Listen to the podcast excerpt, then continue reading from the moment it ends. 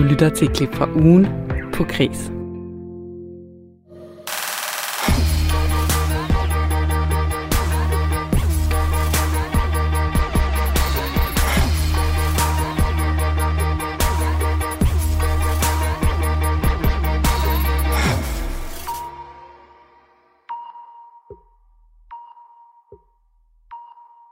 Tove Ditlevsen Feber har en som filmskurk og svaret på, hvorfor vi danskere spiser så meget slik. De emner de har alle været en del af ugen på kreds, som jeg dykker ned i her til morgen. Jeg hedder Lene Grundborg, og jeg er journalist og tilrettelægger på Kreds. Og så har jeg også haft fornøjelsen af at lytte alle Kreds-programmerne fra den her uge igennem. Og jeg har valgt de allerbedste interviews ud til dig til den næste times tid.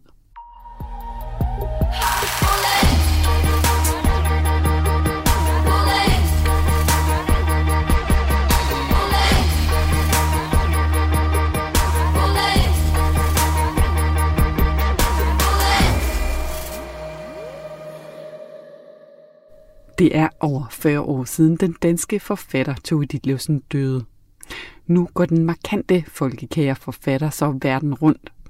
USA jubler over den stærke, ærlige kvindestemme, og også Rusland og Japan er nu i gang med at oversætte den danske forfatter. Og i mandags, der glemte vi her på Kreds for en stund corona og kastede os i stedet over en litterær pandemi, nemlig Tove Ditlevsen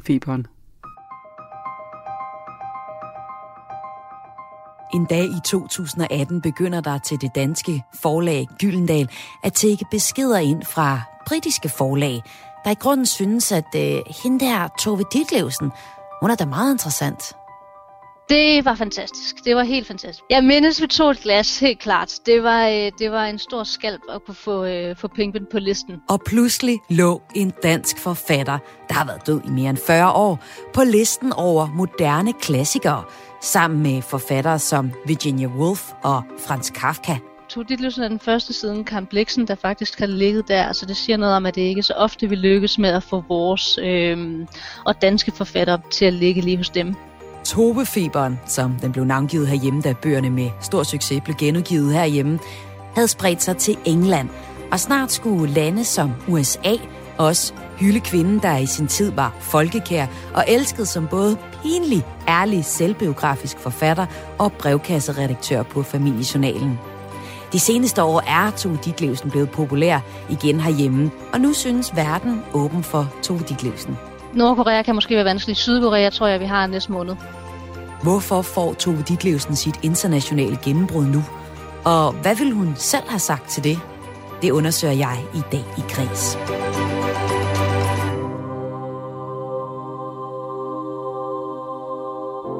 Ja, og det gør jeg øh, sammen med forfatter Dy Plambæk, der har skrevet forordet til et af Ditlevsens hovedværker. Det hedder Gift, og er en bog, der vagte noget af et ramaskrig, da den udkom i 1971.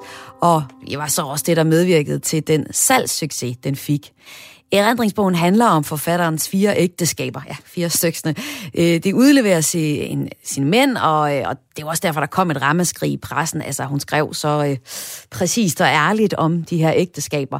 Øhm, I titlen, der er der sådan en dobbelthed. ud over ægteskabsbetydningen af ordet gift, så handler bogen også om giften i den sprøjte, som hovedpersonen bliver så forfærdelig afhængig af. Opst hovedpersonen, det er også Tove Ditlevsen. Både øh, når hun beskriver sin afhængighed af sprøjten, sin, øh, sit svigt af, af børnene på grund af den her afhængighed, men så skriver hun også øh, om hendes største kærlighed gennem livet, at det altså ikke var nogen af de her mænd, men det var kærligheden til skriften og det at skrive. Dy Plambæk, du er forfatter senest til bogen min, Til min søster, og så har du skrevet forordet til genudgivelsen af Tove Ditlevsens bog gift, der nu blandt andet kommer til USA. Men øh, lad os lige høre dig først, øh, de, hvornår stødte du egentlig første gang selv på Tove Ditlevsen? Jamen det gjorde jeg øh, allerede altså i, i folkeskolen. Altså læste jeg øh, nogle digte af hende, kan jeg huske, da jeg sådan gik i 7. eller 8. klasse. Men jeg blev rigtig grebet af hende, da jeg blev øh, nonfirmeret, eller altså jeg blev ikke konfirmeret, men til gengæld så holdt jeg en stor 15 års fødselsdag. Og til den 15 års fødselsdag, der fik jeg Tove sådan samlede digte af en af min mors veninder. Og øhm, så gik jeg i gang med at, at, at læse den, og så blev jeg ligesom, der, der, der var ligesom sådan en tove-år, der sådan startede for mig. Og, og der ligesom gav sig i gang med sådan at, øhm, ja, at flyde. Og øhm, det er nogle digte, som jeg sådan på mange måder er vendt tilbage til, altså ret mange gange også i mit voksne liv, og som jo har sådan en, øh, i hvert fald de første digtsamlinger, sådan en sær naivitet over sig, men alligevel også sådan en meget fin øh, livskloghed, hvis man kan sige det. Øhm, og jeg tror, at, at da jeg selv sådan så småt begyndte at skrive digte, også som teenager, så plagierede jeg, forsøgte jeg jo at plagiere øh, Tove Ditlevsen, tror jeg. Så, så hun kom ligesom ind til mig i, øh, ja, i teenageårene. Så Tove Ditlevsen har faktisk betydet en del for, at du nu er forfatter? Øhm, ja, altså, og der har også været en, en del år, hvor jeg slet ikke har læst øh, Tove Ditlevsen. Altså sådan, så, så var det ligesom noget, jeg læste meget der, da jeg var teenager, også da jeg gik i gymnasiet. Øhm, og så har der været en lang årrække, hvor jeg faktisk slet ikke har læst Tove Ditlevsen, og så er jeg sådan vendt tilbage til hende og, og har tænkt, øh, shit, hvor er det godt. Og jeg synes faktisk, at Tove Ditlevsen, hun er en af de forfattere, hvor man klart kan anbefale. Der er tit nogen, der spørger mig, hvad skal jeg starte med at læse af Tove Ditlevsen? Og tit så så foreslår jeg faktisk, at man starter bagfra. Øh, fordi jeg faktisk synes, at nogle af hendes allerstærkeste værker, det er også nogle af de seneste, altså blandt andet Gift, hendes øh, sidste erindringsbog, øh, som jo udkom øh, der i 70'erne, og, øh, og som jeg synes er, er helt øh, øh, fantastisk. Øh, ligesom hendes seneste roman, Vilhelms Værelse, synes jeg også er en af hendes bedste. Så tit så anbefaler jeg faktisk folk at starte bagfra. Og... Men der er stadig også noget ganske særligt med de her helt unge digte fra 1939, ikke i pigesind, som, som også står meget stærkt, synes jeg. Og det er jo for eksempel Gift, og så er det også Barndom og Ungdom, som er den trilogi, som øh, ja. nu bliver udgivet som et samlet værk øh, til USA med titlen The Copenhagen Trilogy. Og ja. det er jo derfor, vi taler om Tove i dag. Det er fordi, hun er nået ud over landets grænser. Før hun kom til USA, der kom hun allerførst til England, skal vi høre om lige om lidt. Hun er også øh, på vej til Azerbaijan, og Sydkorea har også øh, lyst til at læse noget Tove Ditlevsen. Men det havde Tove egentlig ikke sådan helt selv regnet med. Det øh, var sådan, hun skrev faktisk sin egen nekrolog, og øh, ja. der beskriver, det beskriver måske meget godt, hvor øh, hvordan Tove så sit eftermæle, som er blevet gjort lidt til skamme. Men skal vi ikke prøve at høre øh, den nekrolog? Jo, øhm, den, øhm, den vil jeg lige prøve at læse. Altså hun starter jo ligesom med at fortælle, at hun aldrig har været bange for døden, men det er altid ærgerligt, at man ikke øh, får sine nekrologer at se. Så derfor så, øhm, så, øhm, så vil hun så skrive sin egen. Og så giver hun så et lidt bud på, hvordan den kunne se ud, og det lyder sådan her. I går døde forfatteren TD i sin bedste alder. Det er et navn, der i dag ikke siger ungdommen noget, men ældre københavner vil endnu kunne huske hendes sarte ånd, åndeagtige skikkelse, der var uundværlig det, i det tidsstrøbillede. Hvor travlt hun end havde, var der altid tid til at klappe en lille purk på hovedet, eller hjælpe en gammel mor lille med at bære hendes pakke mælker. Det var selve poesiens blå blomst, der vandrede gennem gaden og spredte solskin i sindet hos alle, der så hende. Af og til slog hun et slag ned i hvid svinstue, hvor overtjeneren Sørensen kan fortælle, at hendes yndlingsdriks, trods alle onde rygter, var tomatjuice. Tog TD noget inden sin alt for tidlige død at skrive en snes bøger, hvor det betydeligste af hendes erindringer, hvor i hun med skånselsløs ærlighed fortæller om de mænd, hun delte bord og seng med, ud af sit øsle gavmilde hjerte. Desværre forstod samtidig ikke at værdsætte denne ærlighed, der førte til, at ingen mand til sidst tog så meget som veksle et par ord med hende, på gaden af frygt for at komme med i næste bind. Hun var sammen med den endnu nulevende Claus Rifbjerg, den første, der i sine bøger nævnede personer ved deres rette navn, og i det hele taget ikke stak noget under stolen. Dødsfaldet er et stort tab for dansk litteratur, og man kan i dag undre sig over, at denne geniale kvinde aldrig fik tildelt akademiets pris eller blev medlem af den høje forsamling. TD elskede at omgås ganske almindelige mennesker, og på hospitalet var hans yndlingsbeskæftigelse at spille romme med jævne sygekassepatienter. På forespørgelse udtaler afdelingen sygeplejerske fru Esbeløv. Hun var den mest beskidende og fordringsløse patient, vi nogensinde har haft. Da vi havde skaffet hende en ny madras, gardiner i hendes yndlingsfarve og det kunst på væggene, klagede hun aldrig over noget. Jeg føler hendes bortgang som en personlig sorg. Vi spurgte også hendes sidste nulevende mand, den gamle redaktør, hvad han følte i anledning af dødsfaldet. Først lød der en gurken i telefonen, så kom det med grøde stemme. Bevægelsen har overmandet mig i den grad, at jeg har svært ved at finde ord for den. Jeg vil blot i al korthed sige, at dette skæbneslag har slået mig fuldstændig ud, og et ekstra blad aldrig mere vil blive, hvad det før har været. Det er forår, men et slør af melankoli ligger over alle de bristefærdige knupper, for Nordens største digterinde efter Elsa Græs nåede ikke at se dem springe ud. Det var Maja Hall, som her var vært på vores kreds special om Tove Ditlevsen, og du kan finde hele programmet der, hvor du normalt lytter til podcast. Lige nu der lytter du nemlig til et klip fra ugen på kreds. Jeg hedder Lene Grønborg, og jeg har samlet de bedste klip til dig fra den her uge.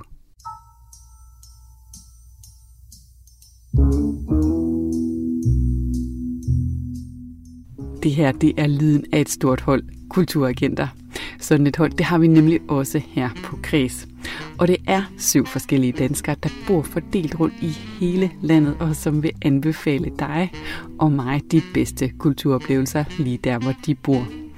Men fordi store dele af kulturen, den jo som bekendt er lukket ned lige nu, så har vores kulturagent i København, Linda Justine Ntemi, fundet en kulturoplevelse, der ligger online, og som vi alle sammen derfor kan få glæde af.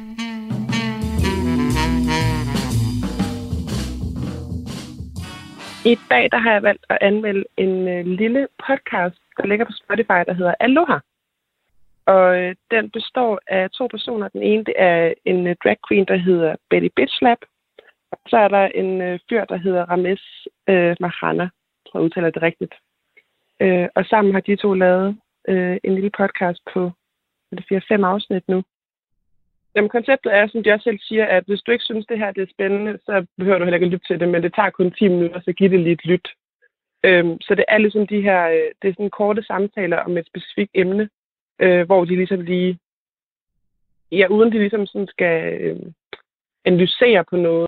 Sådan, det er ikke selv overvurderet, så det er bare en humoristisk afslappet samtale mellem to venner omkring for eksempel seneste afsnit, det handler om film. Betty. Ja, ja, ja. Hvad så? Okay, jeg prøver at sige et citat, og så skal du gætte, hvad dagens tema er. Okay. I'll be back. Arnold Schwarzenegger. Yeah! Amerikansk politik. Øh, Kalifornien. Øh, mangel på vand. Øh, øh, Mm. Du er tæt på. Ja, yeah, film. er det? I am Oh the. Terminator. Øhm, og, så, øh, og så snakker de bare om det løst og fast. Og det er ret afslappet at lytte til på en måde, fordi man ligesom kan gå lidt rundt, nu hvor vi ikke rigtig kan foretage os så meget i sin egen lille verden, og så have to stemmer i hovedet, der ligesom bare har en normal samtale og afslappet øh, og humoristisk. Øhm, så man tager kan gå rundt og, sådan, og grine lidt for sig selv med. Øhm, og fordi at øh, de to øh, personer med at spille Bislap er drag queen, og øh, Rames han er klassisk pianist, så de har sådan to meget forskellige sådan, sådan syn på ting, men samtidig så øh, bevæger det hele sig lidt hele tiden inden for sådan, der kommer nogle små sådan, stikpiller til omkring sådan lidt ligestilling og øh, den homoseksuelle hvad hedder det, verden, og, men samtidig er det meget sådan, ja, det bliver meget på sådan en meget laissez-faire-agtig måde. Og jeg synes, det er, det er ret underholdende, jeg vil egentlig ønske nogle gange, at, at de har varet lidt længere tid, de der øh, afsnit. Men det passer også noget meget fedt, man lige kan sådan... For eksempel, jeg har i dag, hvor jeg, jeg var i bad, og så tog jeg den lige med ud på toilettet, øh, min, øh, min telefon. Og så kørte den i baggrunden, mens jeg stod og var i bad. Øh, og så har man ligesom fået sådan et lille godt, en lille grin på sådan en dejlig måde, ja. Aloha! Øhm, jeg tror, at det, jeg synes, der var fedt, det var det, der hedder folkeskolen. Og det er, hvor de tager en tur ja, tilbage til folkeskolen og, øh, og fortæller om deres to, to meget forskellige øh, hvad hedder det, sådan, ja, oplevelser med det.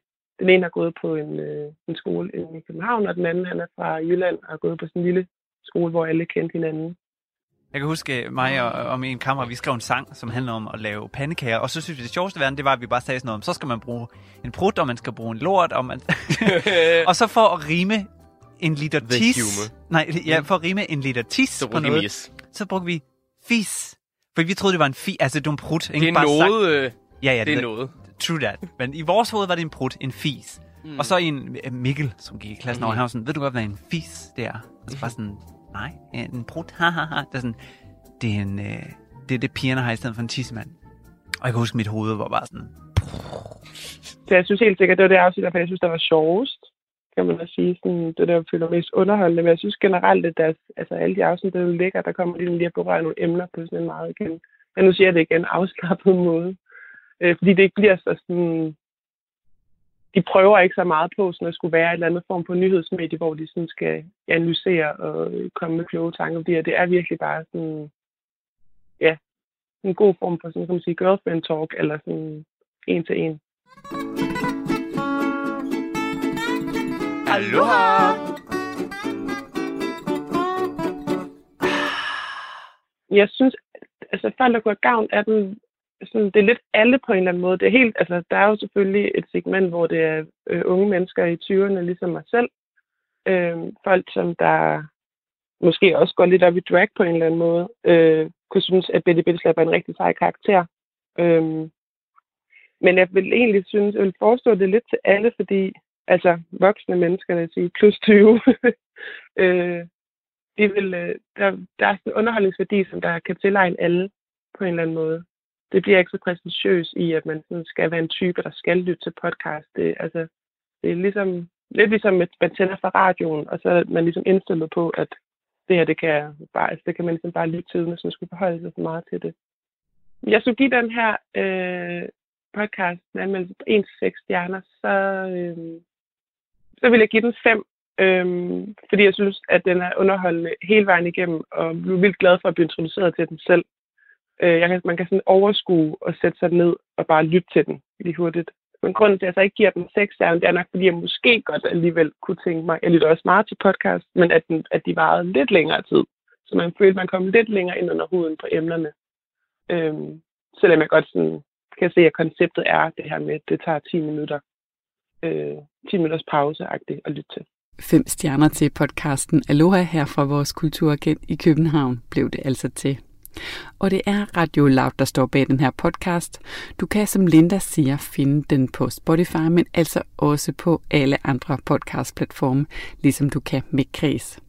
Og så skal vi også her lige høre en sang, som udkom for halvanden uge siden, og som vi altså her på Kredsredaktionen virkelig har lyttet meget til. Det er sangen Den dejligste boy med Benjamin Hav.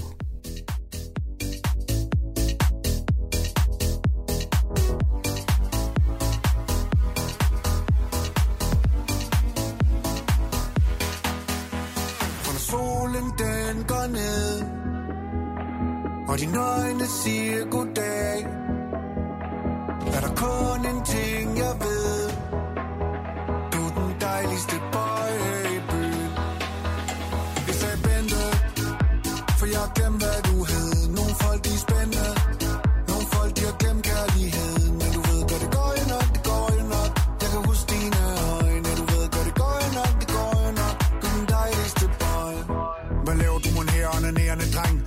Ekstraordinært retarderede dreng Jeg er glad, og det er lige meget hvad Bare kommet for at have det lidt sygt, så du advaret De har lavet bul og base i den buk, små børn. Uh, det med den luk, luk døren.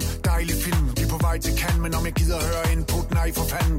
Rolig, du er utrolig bitter. Tøjet op, op, men der er gode ting ved dig. Dag dit fag med den taglige sjæl. Du kan jage dit flæs, der hvor solen ikke skinner.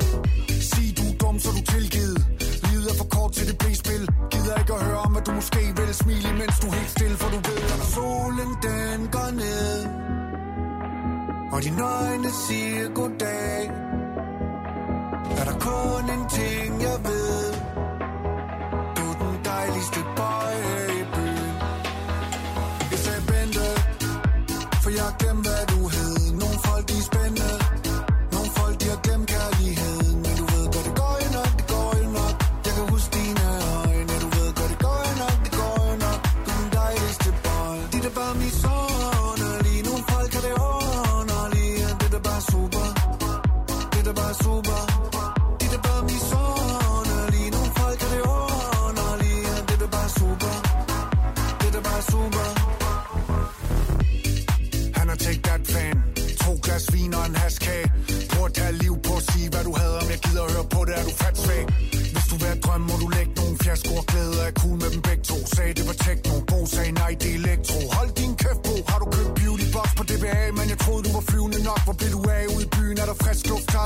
dig rundt Du taler kun om hvad der er dumt dreng Vask din mund Det er hvad det er dreng Stærk fejl, især dig Har du lyst til at smile, desværre nej Du lever på en lidt stille måde Hvis der er noget, jeg ikke vil, så er det ikke at vil noget Du lytter til et klip fra ugen på Kreds her på Radio 4. Mit navn det er Lene Grønborg, og nu skal det altså handle om lakridser og vingummibamser. Danskerne de er verdensmestre i at spise slik. For eksempel så spiser vi mere slik end amerikanerne. Og i tirsdagens program, der så vi så nærmere på temaet slik, eller nærmere bestemt et slikleksikon. Og det var min kollega Dorte Søholm, der tog sig en snak med stifteren og ejeren af sitet slikleksikon.org. Hej Katrine. Hej. Har du fået slik i dag? Ja, jeg har allerede fået lidt øh, poletter. Nu sidder jeg her på kontoret, og så, så er det altså dejligt lige at have lidt at tykke på. Det er ligesom om, jeg tænker bedre, når jeg har sådan nogle lidt hårde lakridser at tykke på. Og hvad med blodtrykket? Det går helt fint. Man skal jo, altså alt skal jo være med måde. Så jeg har selvfølgelig også spist frokost. Det var godt. Hvad, hvad, øh, hvorfor har du lavet det her slikleksikon i sin tid? Vi lavede i sin tid, uh, slikleksikon, fordi vi synes, der manglede et sted, hvor man kunne samles om glæden ved slik. Der er jo rigtig meget information om slik. Alt slik bliver varedeklareret på poserne, og vi ved rigtig meget om e-numre og sukker osv. Vi synes, der manglede et sted, hvor man bare kunne nøjes med at, at glæde sig over slik og gå på opdagelse i slik, man havde glemt, øhm, anmelde slik, og altså bare lade det blive ved glæden og fornøjelsen ved slik. Fordi det er jo derfor, vi spiser det, derfor vi køber det, det er for at få en, en lille eller en stor glæde øh, ind i hverdagen. Men det er jo også en, øh, i andre lande, der er det jo børn, der spiser slik. I Danmark, der er det også voksne. ja, voksne, altså vi, vi spiser vildt meget slik, og det, i, i Italien ville man synes, at øh, det var pinligt for en voksen mand at gå rundt og spise vingummier. Det er det jo ikke i Danmark. Øh, så på den måde er det jo nærmest en helt slikkultur, vi har, og den er meget, meget stærk. Du kan spørge hvem som helst om deres holdning til slik, og hvad de bedst kan lide, og så vil de kunne sige noget om det. Der er selvfølgelig nogle få øh, meget eksotiske mennesker, der ikke øh, er særlig interesserede i slik, og som måske ikke spiser det, fordi de simpelthen ikke kan lide smagen, eller hvad det nu er. Men alle kan fortælle noget om det. Alle har en historie fra deres barndom. Altså alle har en historie med slik. Ja, og, og når man taler om for eksempel vin, så er der jo sådan et særligt, måske lidt højpandet sprog om smagen og noter af dit og dat, men, men det er der jo egentlig ikke om slik. Altså, hvis man får for meget, så kan det måske være varmt eller kvalmende, men ellers så er det jo egentlig kun surt. Surt, sødt og salt. Altså, du er jo også lingvist og arbejder ja. med sprog på, på, på slikleksikon arbejder I da på at udvikle sådan nogle ord og beskrive slikket, opfordrer folk til at beskrive det? Det gør vi ikke rigtig andet, end vi forsøger at få dem til at beskrive det lidt funktionelt. Er det, er det firkantet, er det rundt, er der sukker på osv. Men, men vi, vi prøver jo selv også, når vi... Jeg kan i hvert fald godt lide, når jeg spiser slik med andre, at tale om det, som om det var fin vin, og så sådan, læg mærke til den her vingummis viskositet, og øh, jeg synes ligesom, at øh, der kommer sådan en, en fin eftersmag og så videre, og det er jo, smagsoplevelse er jo enormt individuelt, men der er jo også noget, vi som personer kan genkende. Øh, og jeg synes det der med at sige, altså udvikle sproget om det, når nu vi har så stor kærlighed til det, det, det vil være rigtig fint, så vi i stedet for bare siger, øh, i stedet for bare at sige, det smager godt, eller den kan jeg ikke lide, øh, så, så synes jeg godt, der må være lidt, der må godt være lidt mere sproglig udvikling. Samtidig vil jeg så også sige, at jeg har det jo helt fint med, at man har et meget enkelt og kærligt forhold til slik, og bare ved, hvad man godt kan lide, og hvad man ikke kan lide. Der skal ikke være så mange forventninger. Jeg synes ikke, der skal være så mange forventninger tilknyttet til det, som der jo er med vin, hvor det er sådan lidt, øh, der er en meget høj adgangsbarriere. Øh, du skal virkelig kunne sige noget klogt om vin, for at du kan få lov at være med til at tale om det. Ja, og nu siger du kærligt, fordi slikleksikon handler jo også om brugernes øh, passion og kærlighed til slik. Altså, hvad, hvad er det for nogle følelser, I oplever, at de, de kommer ud med, når de skriver om, om slikket på jeres site? Jamen, der er enormt meget nostalgi rigtig meget af det, vi også får e-mails om, det handler om øh, noget slik, man kan huske fra sin barndom eller sin ungdom. Øh, noget, som måske ikke er i salg længere, og hvor man har, man har måske en hel historie om, hvordan man gik og købte det i sin barndomsgade. Og sådan. Så der er enormt meget sådan en følelse af familie og hygge og det rare og det nære. Så det er sådan nogle virkelig øh, nogle meget, meget dejlige følelser. Jeg har endnu aldrig haft en historie om nogen, der sagde, at jeg, jeg husker det slik, fordi at jeg spiste det, mens jeg var syg. Eller, eller Det er meget, meget det er nogle enkle, kærlige, ret fantastiske følelser, der er, om, mm. der er omkring det. Og der er jo selvfølgelig også det her med, øh, at det er usundt, øh, spiser jeg for meget osv. Men dem, der henvender sig til os, de har... De, de tænker tit bare på en skøn historie fra deres mm. barndom mm. eller ungdom. Har du selv nogle særlig gode, skønne historier eller minder om slik fra dit liv?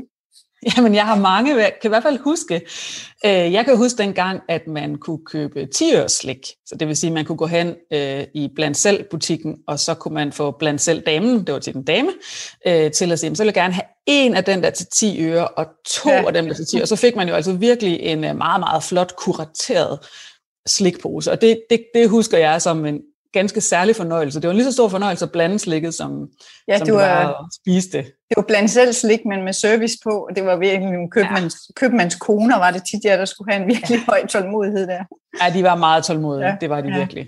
Men det, var, men det var også en fantastisk oplevelse, fordi man fik sådan sin helt egen mixpose. Og den kan man jo stadig lave i nogle blandt selv butikker, mm. men det var bare, ah, der var altså lige lidt mere kvalitet og service i det dengang, ja, det som man jo tit tænker, når man tænker på fortiden. Hvad, hvad, for, hvad er der et særligt, øh, et særligt stykke slik, som I får de mest følelsesladede indlæg om? Er der noget, der vender tilbage hele tiden? Altså jeg lægger i hvert fald mærke til, at det aldrig er slik mix, vi får de her e-mails om. Det er altid noget enkeltstående slik. Øh, og det er tit også sådan noget, der har været enkelt pakker. Øh, måske kan du selv huske sådan noget som øh, Lange Jan og så videre, mm. eller mm. Rustende Søm. Eller, så det er tit sådan nogle enkeltstående stykker slik, som var noget, man købte i sin barndom, øh, og som, øh, altså det kan for eksempel også være de der vingummier, der sad på hånden. Kan du huske dem, hvor man mm. så sådan en, det kunne være sådan en Anders Sand vingummi, så slikker man på den ene side, så klasker man den på hånden, og så gik man og slikkede på den i, i hele... Ja, jeg har aldrig været så meget til vingummi, men jeg kan huske de der firkantede små salmiakstænger til 10 øre. Ja, og det er tit sådan noget, folk de, de husker sådan, at det var mit yndlings, eller det købte jeg altid. Så det var, så det var tit, enkelt, det er tit enkeltstående ja. stykker ja. slik, som folk de, øh, de har et kærligt forhold til. Nå, vi skal lige høre et lille lydklip her. La, la, la, la, la. Nej, endelig. Her har jeg stået siden 1924 og håbet, at vi kom en ind med lidt pip i låget. Jeg har nemlig sådan en skægt lille fjerkræsquiz. Hvilke to ulearter spises overalt i Danmark? Uh, uh. Det er selvfølgelig lakridsuler og blå uler. Skulle vi lige smage på dem? Tak som byder. Mm. Tak som byder. Ja, her der var det uler fra Nørregade, men der var jo også alle de her sjove, skæve sliknavne, altså hundebrud og mågeklatter og store babser. Ja. Øhm, og, og i dag der taler vi om slik lige nu med dig, Katrine Tilke, som er kvinden bag sitet Slikleksikon. Og Katrine, hvad skete der med de der skæve sliknavne, hundebrutter og mågeklatter og alt det der? Det, det, det ser man ikke mere. Nej, det ser man ikke mere. Ja, det, det gik nok lidt af mode. Øh, der var også nogle andre, nogle andre forhold, der gjorde, at salget gik lidt ned. Øh, men det var nogle ret fantastiske navne, synes jeg. Fordi vi, de fleste af os, vi har sådan et, øh, et meget kærligt forhold til slik, men vi ved også godt lidt, at det er noget skrammel det er lidt noget skidt, øh, fordi vi ved godt, det ikke er sundt. Så de her øh, sådan lidt flabede navne, som, øh, som Bonbon havde, de, de inddrog ligesom begge dele. Ikke? Så hed det mågeklatter, slask. Øh, så, så det var sådan lidt svisken på disken. En spade er en spade. Her er noget, noget helt fantastisk, men alligevel lidt klamt, som jeg nu har tænkt mig at spise. Altså jeg synes, det var øh, pladsen, ja. hårdt og fantastisk på en gang. Og humoristisk først og fremmest jo. Det var jo humoren, der kom ind, kom ind der. Ja, helt klart. Der var ja. virkelig et glimt i øjet. Nogen, altså for eksempel de der store babser, det var sådan nogle vingummier. Ja. Den var nok ikke gået i dag. Øhm, men, men jeg husker dengang, at øh, hvor man jo også grinede lidt, når man åbnede den der pose, og de jo vidderligt lignede bryster med, med mørkerøde brystvorter osv. Så, videre. så jeg synes virkelig, der var, der var noget humor i, i slik, der også gjorde, at man havde nogle andre samtaler om det. Sådan, ej, prøv lige at se det her navn. Der var virkelig nogle, nogle navne, der gik lige til grænsen. Jeg synes, det var fantastisk. Men hvad er et godt sliknavn? Jamen et godt sliknavn, det er noget for mig i hvert fald, der øh, kommunikerer den glæde, man nu får lige om lidt, når man åbner posen. Så det skal være et, øh, et positivt navn, og øh, nogle de vælger jo et navn, der fortæller om, hvad det er for en smag, man får. Øh, og langt de fleste, de vælger jo også navne, der er sammensat af ord, vi kender. Øh, for eksempel tykkemåner, eller solstråler, eller den slags ting. Mm. Øhm, og de er jo meget sigende, så man tænker, nu får jeg en lille får en lille måne i munden, jeg kan tykke på. Øh, det kan også være franske linser og franske pastiller, så man, man bruger noget fra sproget, som vi kender. Mm. Der er også nogen, der vælger sådan lidt mere random navne, for eksempel øh, Nelly Delis, og nogle lidt mere poetiske navne. Der er et øhm, dansk firma, der har lavet noget, der har nogle vingummi, der hedder Magic Forest, som er sådan lidt mere poetisk. Mm. Men et godt slægtnavn, det er i hvert fald noget, hvor vi tænker, det vil jeg gerne, det lyder, det lyder dejligt, det lyder smukt. Øhm. Jeg øh, har jo altid undret mig over, hvorfor at der er så godt salg i mixposer. Måske kan jeg godt se logikken, fordi på den ene side, så er der jo noget for alle i en mixpose. Så hvis jeg køber Matador Mix, jamen, så er der en to-tre ting, jeg godt kan lide. Men man får også en masse med, som man er sådan lidt ligegyldig overfor. Og så kan man selvfølgelig dele det med nogle andre, men man køber jo tit slik af egoistiske årsager, hvor man tænker, det her, det kan jeg godt lide, eller mm. det her, det vil jeg gerne i hvert fald selv spise. Så jeg, jeg undrer mig over, hvorfor der er så mange mixposer, og øh, hvorfor der ikke er flere sådan nogle poser med en slags slik i. Ja, der er altid noget, man ikke gider. Der er altid noget, man ikke gider. Særligt Matador Mix, så er de der små firkantede lakridser der, det giver ingen mening. Det er bare sådan noget fyldt. Hvor meget slik spiser du selv? Jeg spiser i hvert fald slik hver dag. Men det varierer meget. Jeg får selvfølgelig øh, også øh, masser af rigtig mad, og jeg tror, det er den der balance, der gør, at man kan, man kan slippe afsted med at spise en hel del. Jeg vil da sige, at nogle gange, så kan jeg da godt... Øh, jeg ved ikke, hvad du vil måle det i, men øh, så kan jeg da godt lige ondulere et par poser af mit yndlingsslik helt selv. Et par poser? Ja. Nu, nu talte du om poletter i starten. Hvad, har du en favorit? Altså, jeg spiser jo faktisk poletter til hverdag, øh, men min favorit er krudtugler, som er sådan nogle aflange, røde mm. vingummier, der har sådan en mentolsmag, og som er, hvor der er sådan noget sukker på. Dem kan jeg virkelig godt lide. Krudtugler, ja, en varm anbefaling her fra Katrine Tilke, kvinde bag sliklexikon.org. Og det var altså min kollega Dorte Søholm, som havde talt med leksikonredaktøren med den søde tand her. Og det hele, det var fra tirsdagens udgave af Kreds, som du kan finde som podcast på vores hjemmeside radio4.dk, i vores app eller lige der, hvor du normalt hører din podcast. Og fra slik skal vi nu videre til Hejfilm. Tell me what that is.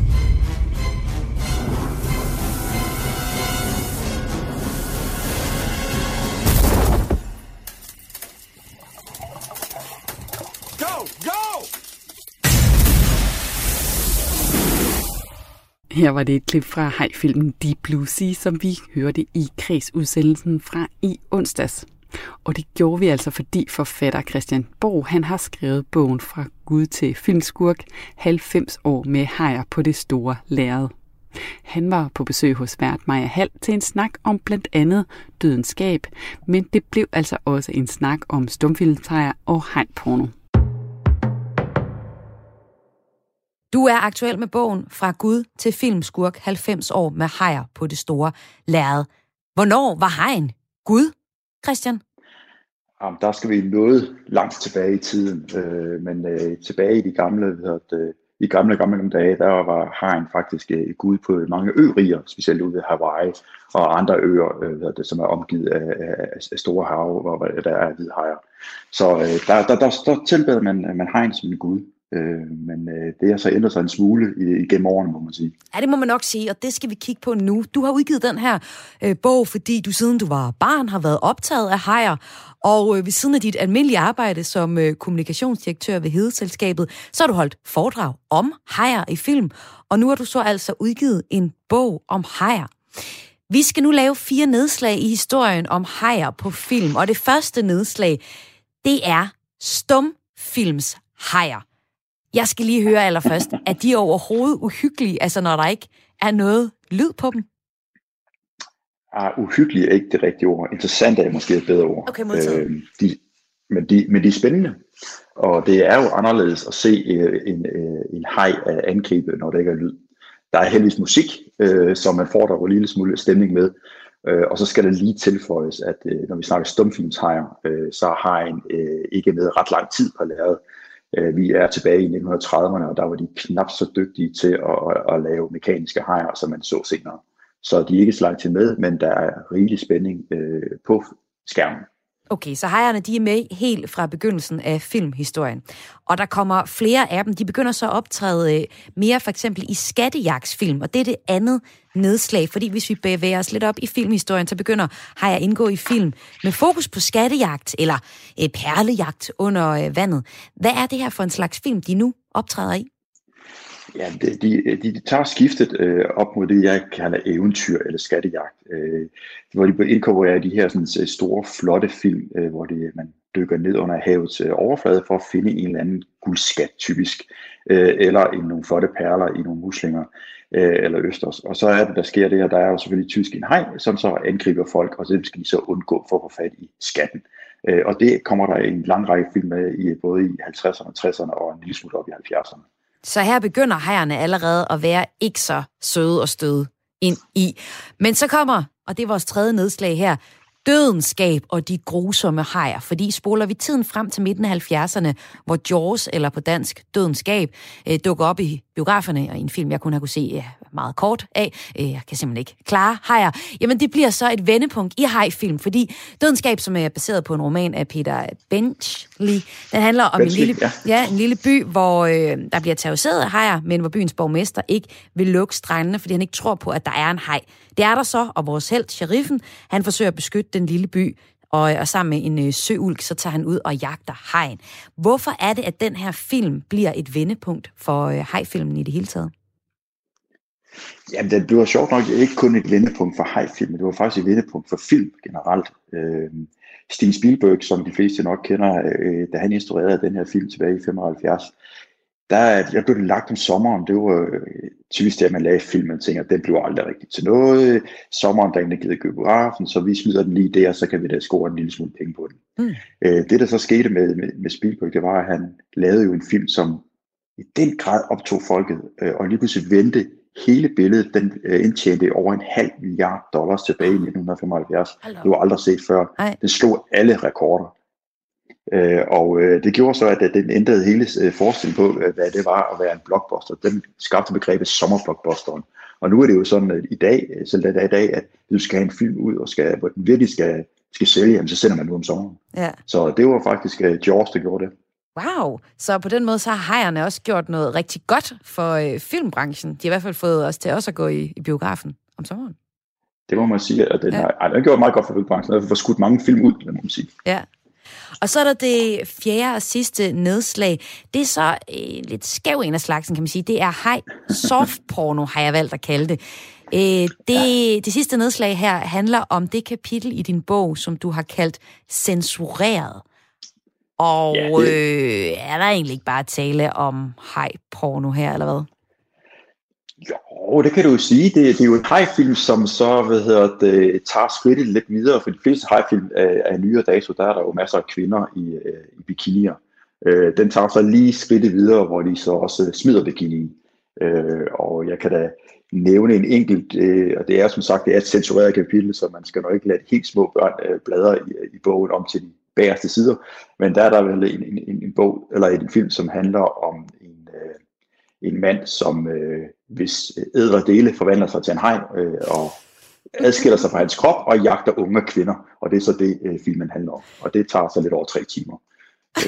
Det er et fantastisk plot, var. Den hedder Dick Shark, er det ikke rigtigt? Det er korrekt, ja. Hold da op. Det beskriver meget godt, hvad der sker i filmen. Ja. Altså Christian Borg, du er forfatter til den her bog fra øh, Gud til filmskurk, 90 år med hajer på det store lærred, og øh, de spænder øh, ret vidt. Du har set 160 film for at beskrive, øh, for at skrive den her øh, bog. Ja. Det må virkelig have været hårdt at se så mange hajfilm, var det første, jeg tænkte. Jeg kan jo knap nok se en enkelt. Men hvad har du egentlig fået ud af at se så mange hajfilm, og jo selvfølgelig kategorisere dem og skrive den her bog, men hvad har du egentlig selv personligt lært af det? Jeg vil ikke sige gå i vandet. Øh, Sådan har jeg det i forvejen. øh, nej, jeg har, jeg har jo lært, at øh, der er, jeg har lært en del af, også om, om filmbranchen, kan man sige. Jeg har også snakket med en lang række af instruktørerne, som også er med i, i bogen. Øh, og der er jo den her måde med at lave film med hjerteblod. Øh, det er der virkelig nogle af de her low-budget high-film, som har gjort. Men jeg har så også lært, at man kan også nemt lave film, som, hvor der overhovedet ikke er noget som helst hjerteblod i, hvor det er bare om at få skudt en film af på halvanden time, og score øh, en, en, øh, nogle, nogle billige point og nogle hurtige penge. Tænker du Så, på så en øh, film som uh, Sharknado? En uh, filmserie, jeg tror, vi nu har uh, nummer 6 Seks. af os. Ja, Ja. det er korrekt, ja. Øh, Ja, den er ikke helt i den genre med hurtige penge. Det var den første. Mm. Mm. Det var en skør idé, øh, og det, der er der en lang øh, baggrundshistorie til, som man også kan, kan dykke lidt ned i i bogen. Øh, Men øh, det var en, en sjov idé at sige, jamen, hvorfor ikke prøve det? Og så lige pludselig så fandt man ud af, at det, da den blev udsendt, den der var så en streamingfilm, den kom øh, det, øh, på, på tv og på stream, øh, og så lige pludselig, da den kom første gang, så gik internettet amok. Sociale medier gik fuldstændig amok. Twitter øh, gik fuldstændig bananas med Philips filmen, og så fandt det, hov, vi har fat i noget her, vi har fat i et fænomen, øh, og så skulle vi så lige så godt skyde fem ekstra. Ja, det er helt vildt. Og det er så faktisk en film, jeg, jeg har set til, set til ende, faktisk en tre stykker af, for jeg tror, der er ja. så meget uh, ironi i den, at jeg godt kan holde den ud. Men jeg må indrømme, altså Christian Bog, jeg har en fuldstændig skør fantasi, når det kommer til hajer. Jeg er overbevist om, at de er alle steder. Jeg skal ikke tænke på det, når jeg går i vandet til sommer. Overhovedet. Altså, det er faktisk så slemt, at jeg ikke rigtig... Ej, det er pinligt der. Men jeg kan faktisk ikke så godt lide længere at svømme rygsvømning i svømmehallen. Fordi ja. jeg har en eller anden frygtelig fantasi, eller sådan øh, frygt for, at der skulle komme en haj og nappe mig i måsen. Altså, det er så ja, dumt. Så skal jeg jo glæde dig med, Ja, men jeg kan jo så glæde dig med, at øh, det er ikke kun i vandet, det er. De er Søren Jens, men også de badekar, de toilet, Ej, de, de flyver rundt, og de er også spøgelser, så, så du, er faktisk ikke, du kan ikke gå i fred for hajer, hvis det er, du skal stå, hvis du kigger men, 160 film igennem. Men hvorfor, ja, hvorfor er det, der bliver ved med at komme øh, de her hajfilm? Der ligger jo flere ting i det. For det første, så er det jo enormt nemt at lave en haj. Altså hvis du har et stykke karton og maler det gråt og, og skærer det i en trekant, så har du faktisk det, folk vil tro er en hej. Ja. Så det er en, og det, for det er så genkendeligt, øh, så det ligger øh, enormt nemt at, at lave, hvis du skal gøre det billigt. Og så ligger der jo hele den her urfrygt i os. Altså vi har jo lært at frygte hajen. Den, den, den har jo de her spidse tænder, og den har jo spist en hel masse mennesker, hører vi i hvert fald. Øh, så der ligger en frygt latent i os. Øh, så, og det spiller man jo på, når man laver film. Øh, det er jo den der frygt. Øh, vi sidder trygt og godt i vores lænestol, man kan se det på skærmen. Ja. Så, øh, og så er det jo en, en opskrift, som Steven Spielberg opfandt, der i 75 med, med, med Dødens Skab, øh, og den har de bare kopieret i uendelighed. Sagde forfatter Christian Borg. Senere i programmet, som er fra onsdag den 17. marts, der talte Maja Hall altså også med Rune Christiansen fra Kattegat-centret i Grenå.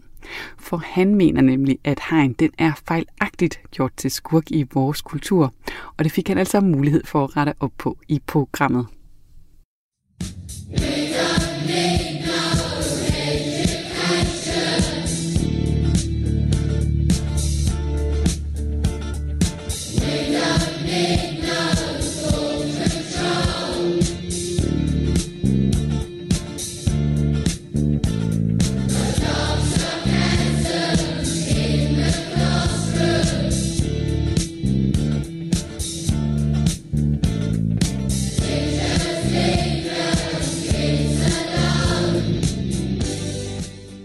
Torsdag den 18. marts i Kreds, der så vi nærmere på temaet aktivisme.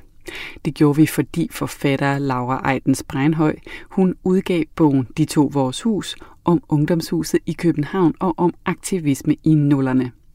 Bert Maja Hall, hun diskuterede i programmet også ungdomsaktivismen i dag i selskab med Clara Sørensen, som er en del af den grønne studenterbevægelse, og med Jonas Lieberkind, som er lektor og Ph.D. ved Aarhus Universitet.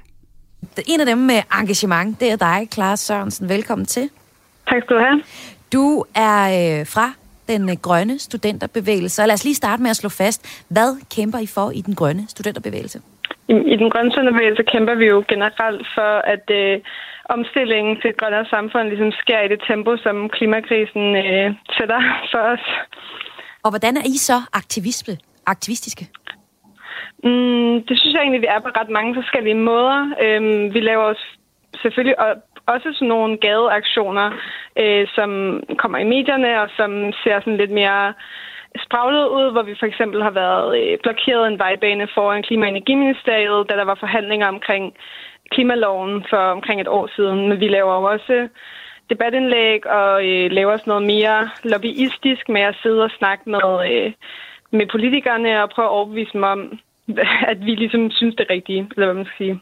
Og Jonas Lieberkind, når du er lektor og Ph.D. i ungdomsaktivisme i dag, og du mener så, at den er langt mere strategisk, øh, end den har været øh, tidligere, for eksempel i, i nullerne. Hvordan er den mere strategisk? Jamen altså, de unge generelt er blevet mere strategiske i deres omgang med verden, og det spiller selvfølgelig også ind på det politiske engagement, som de unge har.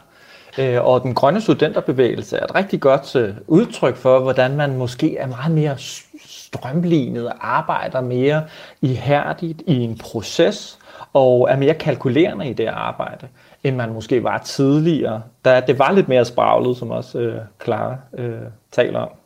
Jamen, hvorfor er det sådan?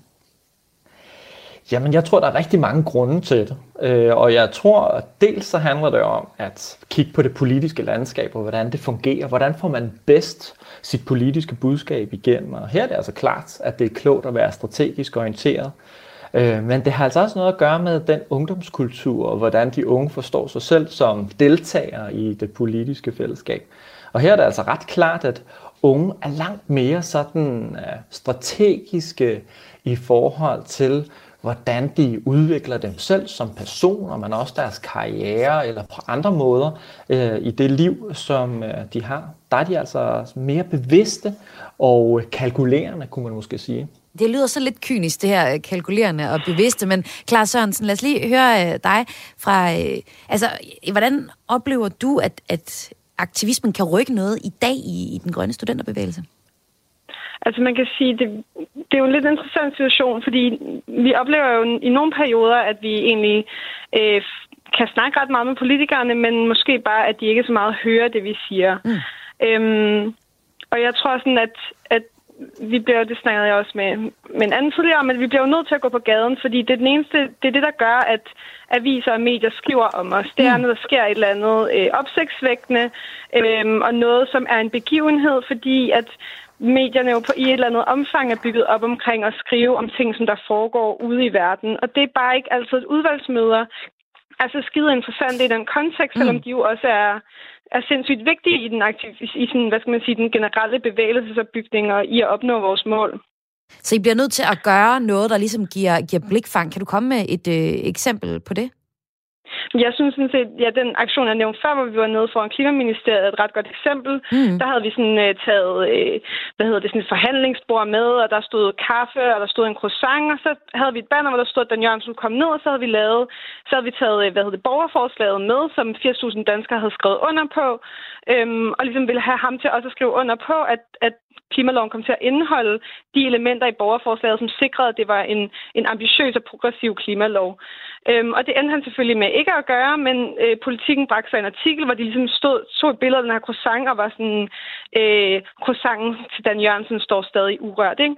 Og det, er jo sådan, det var jo en lille bitte del af aktionen, fordi jeg tror som deltager, så var det meget mere, at der var medaktivister, der holdt taler, og vi lavede øh, 80.000 streger på vejen for at markere alle de her mennesker, der havde skrevet under. Øhm, men det er jo nogle gange sådan lidt det her finurlige, eller sådan... Øh, catchphrasen på en eller anden måde, som vi skal opfinde for, at medierne kommer og dækker os. Og det, øhm, og det er så nok det, som øh, du mener, Jonas, er det lidt mere øh, kalkulerende, eller det i hvert fald, man, man prøver virkelig at regne ud mere strategisk, hvordan man kan komme ind i mediebilledet i dag som, som ung aktivist? Ja, det, øh, det gør man, og det bliver man jo også nødt til. Det er jo også det, vi kan høre her. Der er jo ingen tvivl om, at øh, sådan et eller andet tidspunkt igennem 80'erne bliver det langt sværere for øh, protestbevægelserne at komme igennem til Folketinget.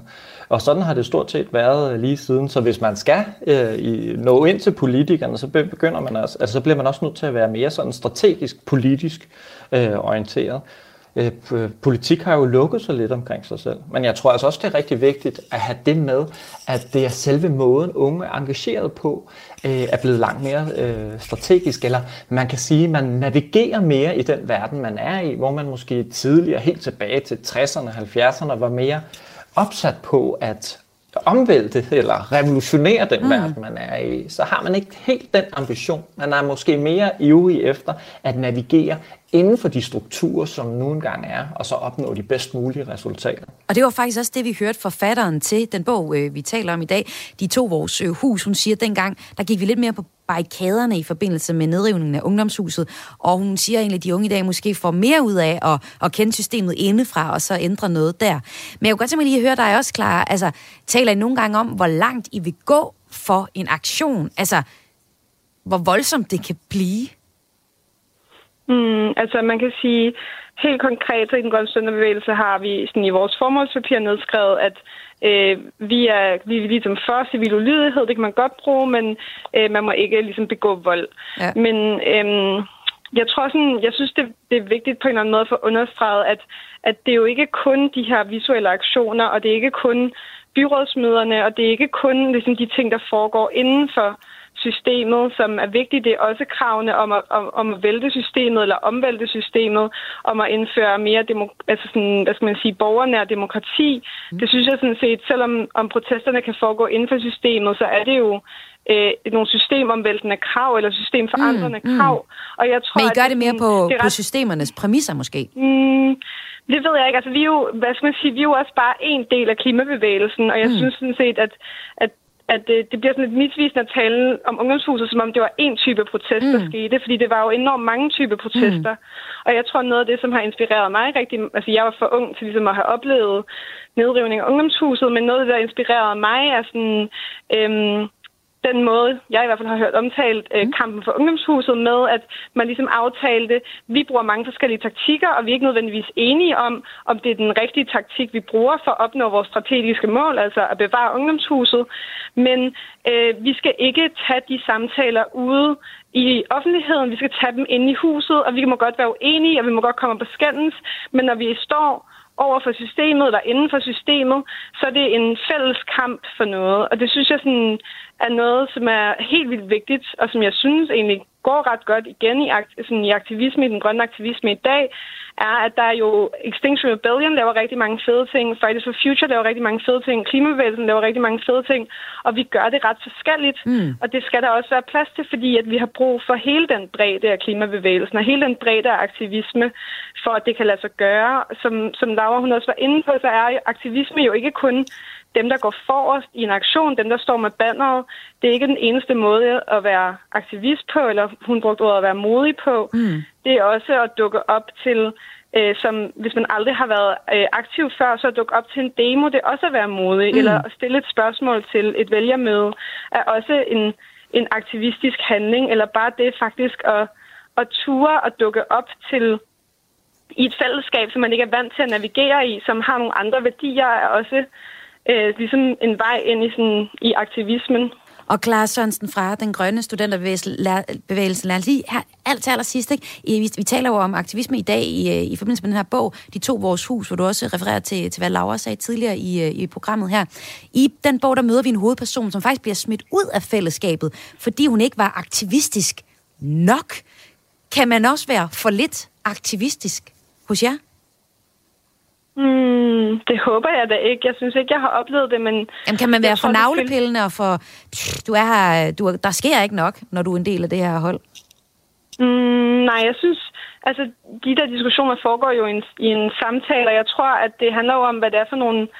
Øhm, hvad det er for nogle værdier, men sådan, man, kan ikke rigtig, man kan ikke være meldt ind, og man kan ikke heller ikke rigtig blive smidt ud af den grønne sundhedsbevægelse, medmindre man ligesom er øh, racist eller mm. homofob eller sådan det er noget. Det der, det der grænsen går. Det og jeg skal også øh, lige høre dig, Jonas Lieberkind, lektor og Ph.D. ved DPU Aarhus Universitet her til sidst. Altså, du har jo den, det historiske overblik over det her område i, i forhold til ungdomsaktivisme, og fortæller, at aktivismen i dag har, lidt har mistet, ja, det er i hvert fald også hørt, at jeg har mistet vreden, og måske den der øh, forestilling om det store alternativ, den store revolution. Men mm, skal ja. man blive så lidt øh, revolutionsnostalgisk over, at, at øh, den her mere strategiske aktivisme, som vi har hørt eksempler på her? Altså, det er jo altid rimeligt at være en lille smule øh, nostalgisk. Øh, okay, Men når det, så er, når det så er sagt, så er der ingen tvivl om, at den kamp, der bliver kæmpet, øh, den bliver kæmpet på de midler, øh, som også øh, har effekt. Men jeg vil da også sige en gang imellem, at man savner der lidt fra den yngre generation, at de også kommer med nogle alternative forslag. Det, som man tidligere kunne, det var jo også at tænke fuldstændig uafhængigt af systemet, og måske uafhængigt af den måde, man øh, normalt øh, har tænkt på. Der er der altså en tilbøjelighed til, at de unge mennesker i dag er meget, de er jo nærmest uddannet inden for kommunikation og, øh, og lignende ting. Der okay, man okay. også nogle gange Jonas, nogen, der, der, skal, der skal vi lige nå at høre klare svar på det. Men jeg vil sige tak, fordi du var med her. Jonas Lieberkendt, lektor og Ph.D. ved DBU Aarhus Universitet. Hvad, øh, hvad ser du til den her øh, kendhest, du lige fik til sidst interviewet, Clara Sørensen? Øhm, altså, jeg ved ikke, jeg, det, er jo ikke, det er jo ikke det, jeg oplever, når jeg er øh, blandt sådan, mine aktivistiske venner. Og jeg tror sådan, at at øh, det, hver gang man, den unge generation bliver for drømmende og for øh, at formulere for vilde alternativer, så får vi at vide, at vi skal forholde os til mm. verdens tilstand og hvordan den egentlig ser ud, og så snart at vi så opererer, hvad skal man sige, et, på et eller andet omfang inden for systemet, eller så forholder os til verden, så får vi at vide, at vi ikke er revolutionære nok. Ikke? Amen, så sådan, det, det, det er jo et evigt dilemma. Det var vært Maja Hall, der her talte med Clara Sørensen, en del af den grønne studenterbevægelse, og med Jonas Lieberkin, lektor og Ph.D. ved Aarhus Universitet. Og klippet det er altså fra Græs torsdag den 18. marts. Det var alt, hvad vi nåede her i klip fra ugen på Kris. Du kan selvfølgelig finde alle programmerne som podcast på vores hjemmeside radio4.dk eller i vores app. Og så er vi også tilbage igen med spritnye oplevelser og nyheder fra kulturen i næste uge. Mit navn er Lene Grønborg. Tak fordi du lyttede med.